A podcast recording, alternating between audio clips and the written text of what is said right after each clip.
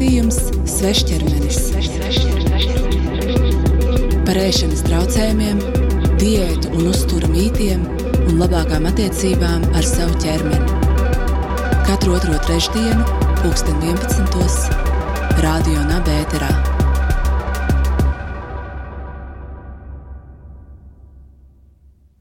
Labdien, raidījums Vešķermenis klausītāji! Ar jums kopā ir raidījuma vadītājs Marta un Kristiāna. Šodien raidījumā runāsim par ļoti sarežģītu tēmu - ēšanas traucējumiem. Pie mums ciemos ir Alise, kur atbildēs mūsu sociālajos mēdījos ievietoto ziņu, ka meklējam dažādas pieredzes stāstus saistībā ar ķermeni un ēšanu. Esam ļoti priecīgi, ka Alise atsaucās, lai pastāstītu par savu pieredzi ar anoreksiju un bulimiju. Šajā sērijā pārunāsim to, kā šie ēšanas traucējumi veidojās, kā tie izpaužās. Runāsim par sabiedrības draugu, ģimenes un sociālo mēdīju ietekmi uz ēšanas traucējumu veidošanos un to, kā no tiem atbrīvoties, kā apzināties, ka šī slimība ir uzveicama. Bērnībā man vienmēr bija bijusi ļoti laba apetīte. Es nekad neesmu bijusi ar lieko svaru, tagad to varētu medicīniski tā nosaukt, bet es biju lielāka nekā citi bērni. Un tas, tas man netraucēja līdz 11 gadu vecumam, kad es saslimu ar augstēšanos ļoti spēcīgi, un es divas dienas gandrīz neko nēdu, jo man bija ļoti augsta ķermeņa temperatūra. Un pēc tam divām dienām es pamanīju, ka cilvēki apkārt man sāk izteikt komplimentus, ka es izskatos labāk ka es esmu notievējusi, un tas ir ļoti labi, un ka man piestāv. Man tas jau tajā laikā likās jocīgi. Man šķita, ka citi cilvēki, ieskaitot manu ģimeni, ir priecīgi par to, ka es tik stipri slima biju, ka es nevarēju neko ēst, un ka varbūt tā darīt ir labi, ja es gribu citiem vairāk patikt. Un no tās dienas es sāku pievērst, pastiprināt uzmanību tam, ko es ēdu, un mēģināt ēst mazāk. Anoreksija būtībā man šķiet, man nav mans galvenais ēšanas traucējums, jo man bija tā, ka es badojos un skaitīju kalorijas pirmos četrus gadus no manas ēšanas traucējuma pieredzes. Bet tad man tas viss pārmetās pretējā grāvī. Un man sākās nekontrolēts ēšanas lēkmes, tā ka es nevis nēdu vairs, bet es vairs nespēju pārstāt ēst. Tā tas pārgāja uz bulimiju un kompulsīvo pārēšanos, kas man bija pēc tam daudz ilgākus gadus. Mani īstenībā nav neviens diagnosticējis. Es neesmu ne ar vienu ārstu par to runājusi līdz pat pagājušā gada beigām, kad es beidzot par to sāku runāt. Es par to vienkārši lasīju daudz internetā.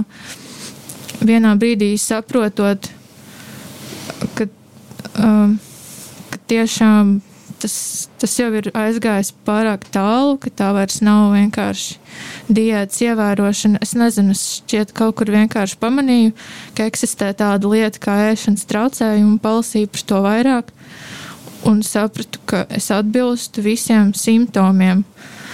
Un arī aprēķinot savu ķermeņa masas indeksu, es redzēju, ka man ir tik nepietiekams ķermeņa svars, ka būtībā es skaitos kā badā. Tā, tā, es, tā es to uzzināju. Un tad, kad tu saprati, ka tev ir šis ļoti pazeminātais svars un uh, kaut kādā mērā var teikt, varbūt diagnosticēji pati sevi, lasot internetu resursus, vai tu, nu, vai tu izdomāji, kā, nu, ko, tu, ko tu darīsi tālāk, vai tu uh, sāki domāt, ka tev ir uh, jābeidz, jābeidz tā darīt, vai nē, vai nu, kāds bija tas secinājums? Nu, būtībā tajā laikā, kad es uzzināju par anoreksiju, man bija 14 gadi. Es nebiju vēl pārāk nobriedusi. Citi cilvēki, klases biedri, man ļoti bieži izteica komplimentus par to, cik forši ka es esmu tik tieva. Un tajā brīdī būtībā bija tā, ka es jutos lepna par to, ka man ir tik pazemināts svars. Uh, vienā brīdī bija tā, ka es sapratu, ka okay, es laikam esmu sasniegusi to savu mērķi. Man vairs nevajag būt tievākai. Tas bija jau tas laiks, kad mana ģimene ļoti aktīvi uztraucās par to, kas man notiek. Katru dienu, katru mīļu brīdi mēģināja man pierunāt kaut ko apēst. Bet uh, nebija nevienā brīdī tā, ka es pati domāju, man šķiet, ka vajadzētu to pārtraukt. Mans ķermenis pats man vienā brīdī pateica, jau šitā vairs nevar turpināt. Un, jā, es laikam biju tik novājinātā stāvoklī, ka vienā brīdī bija tā, ka tad, kad es sāku ēst, es vairs nevaru apstāties. Manam ķermenim liekas, ka jebkurā brīdī, kad ir iespējams tikt klāt pie ēdiena, tad vajag ēst cik vien daudz var, jo noteikti pēc tam es atkal sev neļaušu ēst ļoti ilgi. Tu pieminēji, ka tava ģimene arī sāka kādā brīdī uztraukties par tevi un tavu svaru. Saki, lūdzu, vai tu jūti atbalstu no, uh, nu, no sava uh, tuvākā atbalsta tīkla, teiksim, ejot cauri šim, šim, šim procesam? Pārāk daudz es par to ar savu ģimeni nerunāju. Es mēdzu sūdzēties savai ģimenei, ka man šķiet, ka es esmu rasna. Bet uh, viss, ko viņi atbildēja, bija: Nē, tu neesi, tu esi pārāk tieva. Ar to sarunu beidzās. Šķiet, ka viņi neiedomājās, ka tas, ka es sūdzos, ka es esmu pārāk rasna brīdī, ka, kad man ir ārkārtīgi pazemināts ķermeņa svars, varētu norādīt uz kādām psiholoģiskām problēmām. Viņi domāja, ka viss, ko viņi var darīt, ir mēģināt man pierunāt ēst vairāk bet uh, tas nepārāk labi izdevās viņiem. Es slēpu to ēdienu, ko man deva, metu viņu miskastē paslapus. Un, uh, jā, es centos izvairīties vispār runāt par savām problēmām ar ģimeni. Tā ka būtībā nē. Kā tev šķiet eh, šajā brīdī, kad uh, tu biji varbūt tādā ļoti trauksmainā, trauksmainā periodā un tādā ļoti aktīvā uh, varbūt fāzē, uh, vai, vai teiksim, tu meklēji kādas šīs atbalsta, es nezinu, grupas, nu, piemēram, ne, nu, internetā vai, vai Facebookā, vai, vai tie bija kādi resursi, kurus tu apsvēri izmantot, lai atrastu palīdzību? Mm, īsti nē, jo man nešķita, ka man vajag no tā ārstēties. Man šķita, ka tiešām vienīgā problēma, kas man ir, ir tas, ka, ja es ļauju sev ēst tik, cik es gribu, tad es kļūstu pārāk rasna.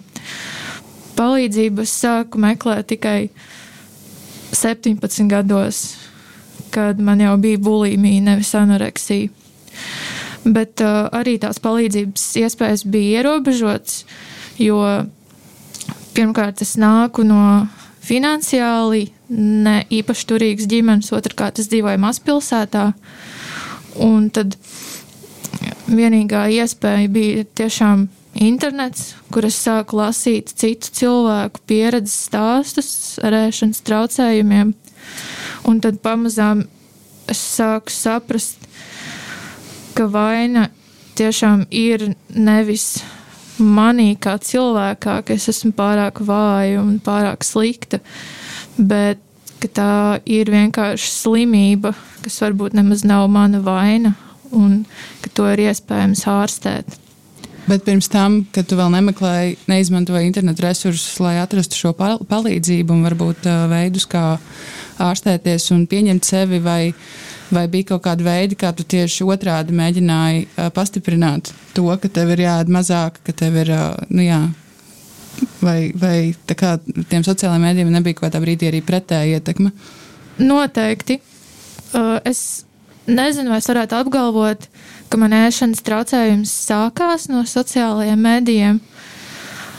Bet tajā brīdī, kad tie bija sākušies, jau es daudz laika pavadīju piemēram, draugiem LV, skatoties citu cilvēku bildes, citu meiteņu bildes un apskaužot viņas par to, cik viņas ir skaistas un tievas. Un cilvēkiem ar ēšanas traucējumiem ir diezgan populāri skatīties tās augtās inspiration bildes, jeb vienkārši liels krātus internetā ir ar meitenēm, kurām droši vien pašām ir ēšanas traucējumi, kuras vienkārši ir ļoti tievas, un es sāku veidot mapas datorā ar šādām bildēm.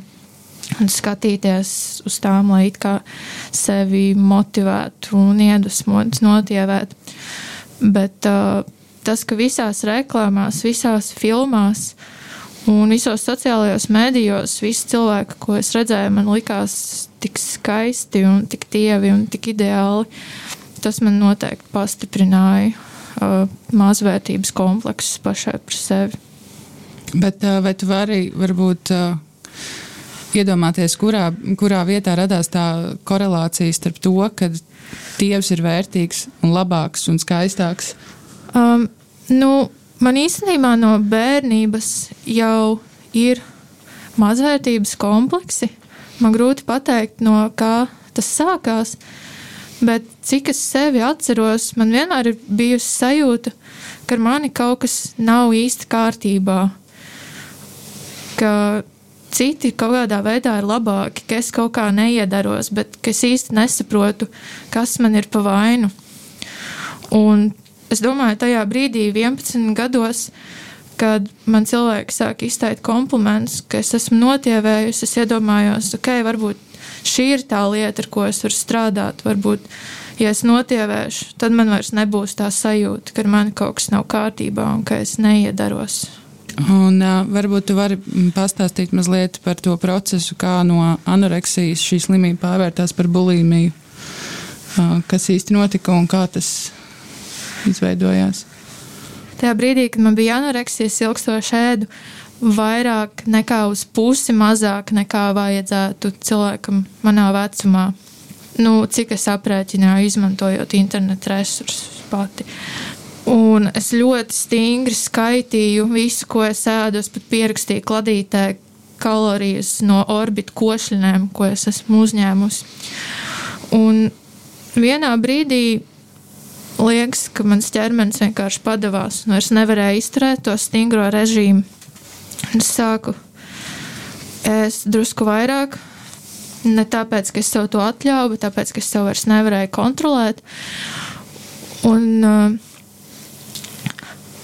Un tad kādā brīdī man bija vienkārši tāds, kā es nezinu, klikšķis smadzenēs vai kaut kas tāds, kad arī tajā brīdī, kad man vairs nebija fiziski izsalkuma, es vienkārši nevarēju pārstāt ēst. Es varēju apēst tik daudz, ka es vairs nevaru fiziski pakustēties un ka man paliek nelabi. Un pēc tam, kad tas notika, es atkal nākamajā dienā nēdu vai sportoju ļoti ilgi, lai tiktu no tā vaļā bet tās ēšanas lēkmes palika ar vien biežāks un biežāks. Un man likās, ka es esmu pilnībā zaudējusi kontroli par savu ķermeni. Es vairs nevaru vispār sev atļaut nekad ēst tik daudz, cik man gribas. Jo man nekad nepārstāja gribēties. Tu minēji, ka tu sāki aktīvi sportot. Pastāsti par šo saikni starp sportu kā tādu, jo es varu to nosaukt par tādu atcelšanas eh, elementu. Nu, tāds būtībā arī strādāja. Jā. Es apēdu tās ļoti daudzās kalorijas. Es sākumā redzēju tikai divus veidus, kā tikt no tā vaļā, vai nu nē, es ļoti ilgi, vai nu sportot daudz. Nu, parasti es apvienoju tos abus, nē, un sportoju reizē. Es gāju skriet ļoti garus gabalus mājās, vingroju reizēm trijos naktī, pat stundām ilgi. Man uh, regulāri arī reiba galva un nāca virsū ģībiens. Katru reizi, kad es piecēlos no krēsla, man palika viss melns gar acīm. Vai tev izdevās to tā labi noslēpt, vai tu to tā labi nu, vispār gribēji slēpt, un kā tas varbūt uh, ietekmēja tavu ikdienu un tavas attiecības ar cilvēkiem ap tevi?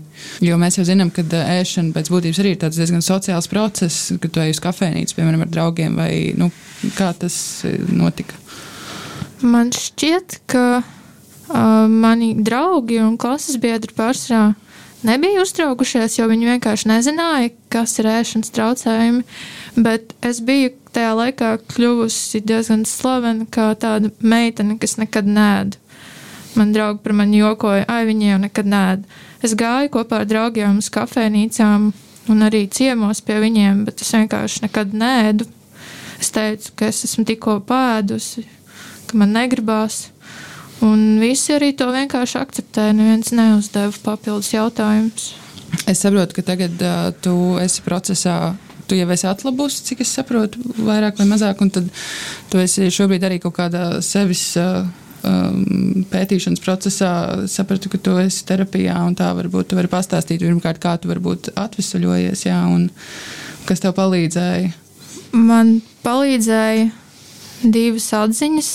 Viena bija tāda, ka, ja es gribu tikt vaļā no šīm problēmām, un pārstāt domāt par ēdienu nepārtraukti.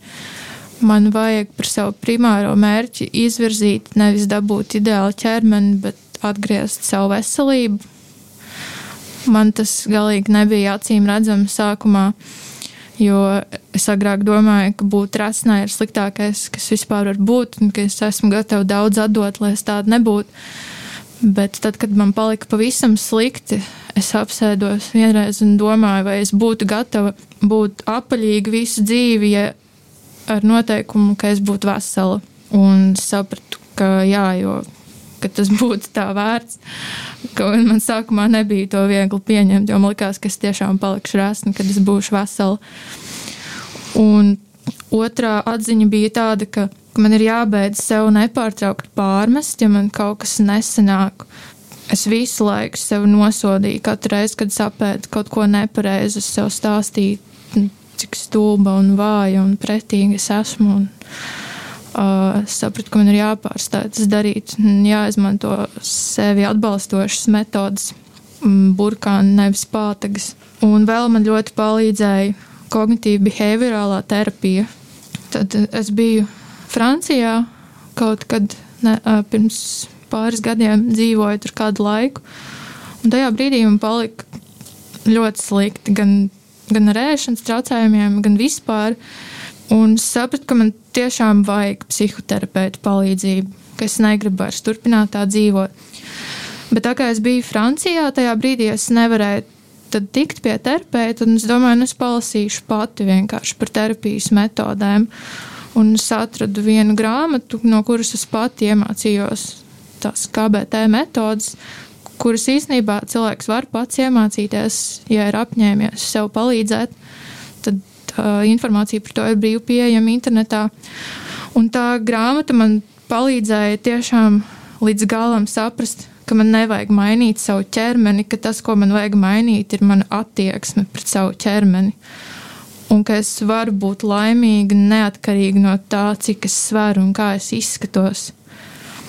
Man nevajag sev pārliecināt, ka es neesmu rasna, bet man vajag sev pārliecināt, ka tas vienkārši nav svarīgi un ka to ir iespējams izdarīt. Nu, jā, un tad, kad es atgriezos Latvijā, es sāku arī iet pie KBT terapeita, kuras eju joprojām. Strādāju ar savām bērnības traumām un mazvērtības kompleksiem, kas man ir joprojām, kaut arī man ir jau daudz labāk, joprojām ir kaut kādas pagātnes lietas, ko var šķetināt un šķetināt, un tas man ļoti palīdz. Tu minēji, ka tu pati uh, izlasīji kādas metodes, uh, ar kurām sev palīdzēt. Varbūt tu varētu kādu minēt. Uh, galvenā metode, ko es izmantoju, ir pierakstīt uz papīra negatīvās domas, kas man ienāk prātā par sevi tajā brīdī, kad tas notiek. Vai vienalga, kurā brīdī, bet vismaz reizi dienā. Tā ir arī galvenā kognitīva behaviorālās terapijas metode. Būtībā tu uzraksti negatīvās domas, un tad otrā lapas pusē uzraksti racionālas atbildes uz šīm domām. Piemēram, es apēdu divas bulciņas vienā dienā. Un tās domas, kas man par sevi nāk prātā, ir, ak, Dievs, es esmu tik uh, drausmīgi vāja, man nekad neizdosies atgūt veselību, kā es vispār kaut ko tādu varēju izdarīt. Tad otrā pusē es varu uzrakstīt sev racionālu atbildi, ka tas, ka es apēdu divas bulciņas šodien, tas nepierāda, ka man nekad iz, neizdosies sākt ēst veselīgi. Uh, tas nepierāda arī to, ka es esmu vāja un pretīga. Tas vienīgais, ko tas pierāda, ir tas, ka es šodien apēdu divas būciņas. Un ka tā nav traģēdija, ka es rīt varu mēģināt vēlreiz, nu, tā apmēram. Un tas ir jādara katru dienu, vismaz 20 minūtes. Bieži vien tās domas, kas nāk prātā, ir vienas un tās pašas, un atbildes, ko tu sev raksti, ir arī ļoti līdzīgas. Bet katru dienu to darot, pamazām var sevi pārprogrammēt, un tās domas, kas nāk prātā par sevi, paliek pamazām mazliet racionālākas un atbilstošākas realitātei. Saka, lūdzu, vai tev šķiet, ka šobrīd eh, Latvijā, vai pat drīzāk teiksim, latviešu valodā ir pietiekami daudz resursu, kur uh, mūsu klausītāji vai, vai cilvēki, kas saskarās ar dažādiem ēšanas traucējumiem, var meklēt atbildes, vai mēs par to pietiekami daudz runājam? Mm, resursu latviešu valodā ir ārkārtīgi maz. Cik es esmu meklējusi, es gandrīz neko neatradu. Es atradu pāris mājaslapas, kur ir apmēram pastāstīts, kas ir ēšanas traucējumi. Es zinu, ka šobrīd uh, Vivendi veselības centrā var ārstēt ēšanas traucējumus, bet uh, es nezinu, vai šis pakalpojums ir pieejams arī bez maksas vai ar maksas atvieglojumiem, jo tas viss ir diezgan dārgi, ja par to ir jāmaksā. Un par to, kur meklēt palīdzību cilvēkam, kuram varbūt nav liela līdzekļu.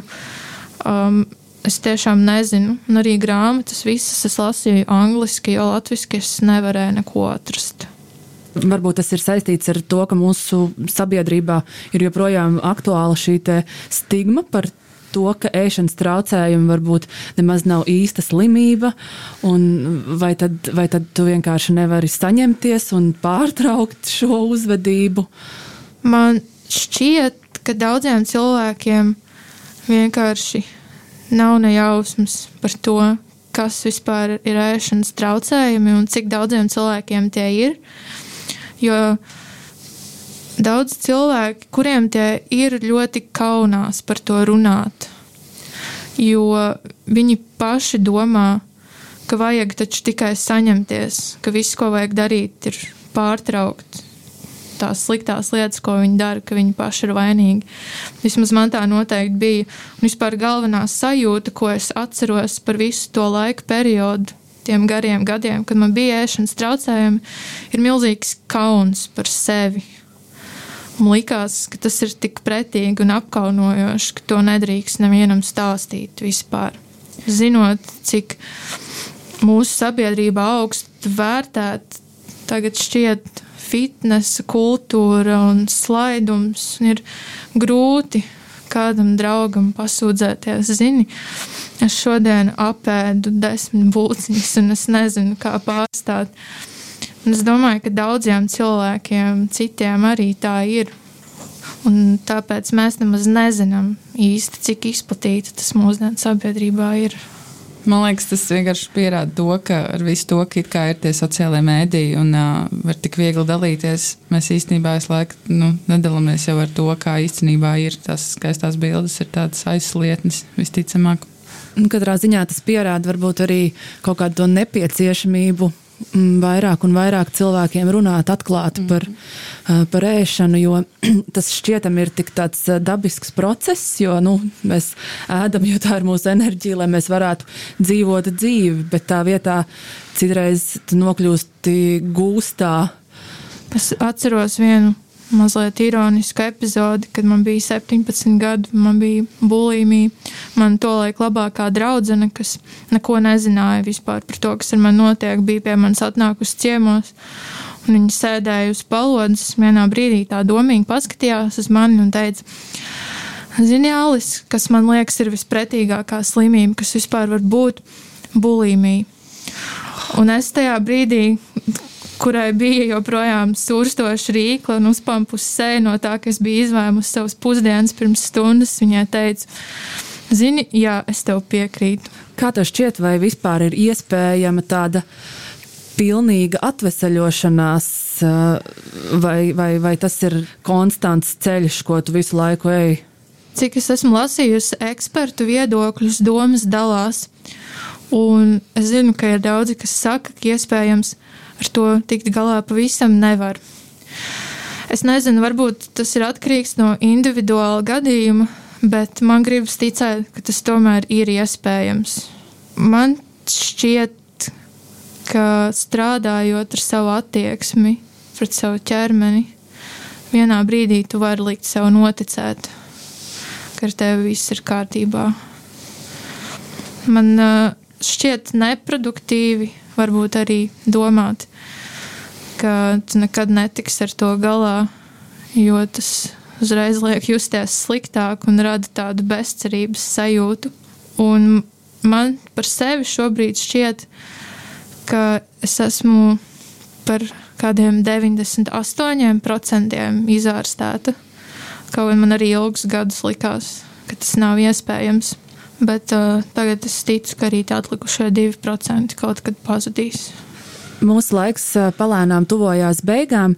Varbūt ir kāds padoms, ko tu vēlētos dot varbūt kādam mūsu klausītājam vai klausītājai, kas šobrīd tavu stāstu klausās un, un apsver savas cīņas uzsākšanu ar, ar saviemēšanas traucējumiem?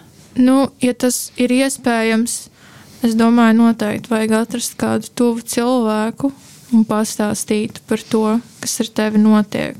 Tas noteikti būs ļoti grūti, bet uh, man pašai šķiet, ka man tas būtu ļoti palīdzējis, ja es to izdarītu.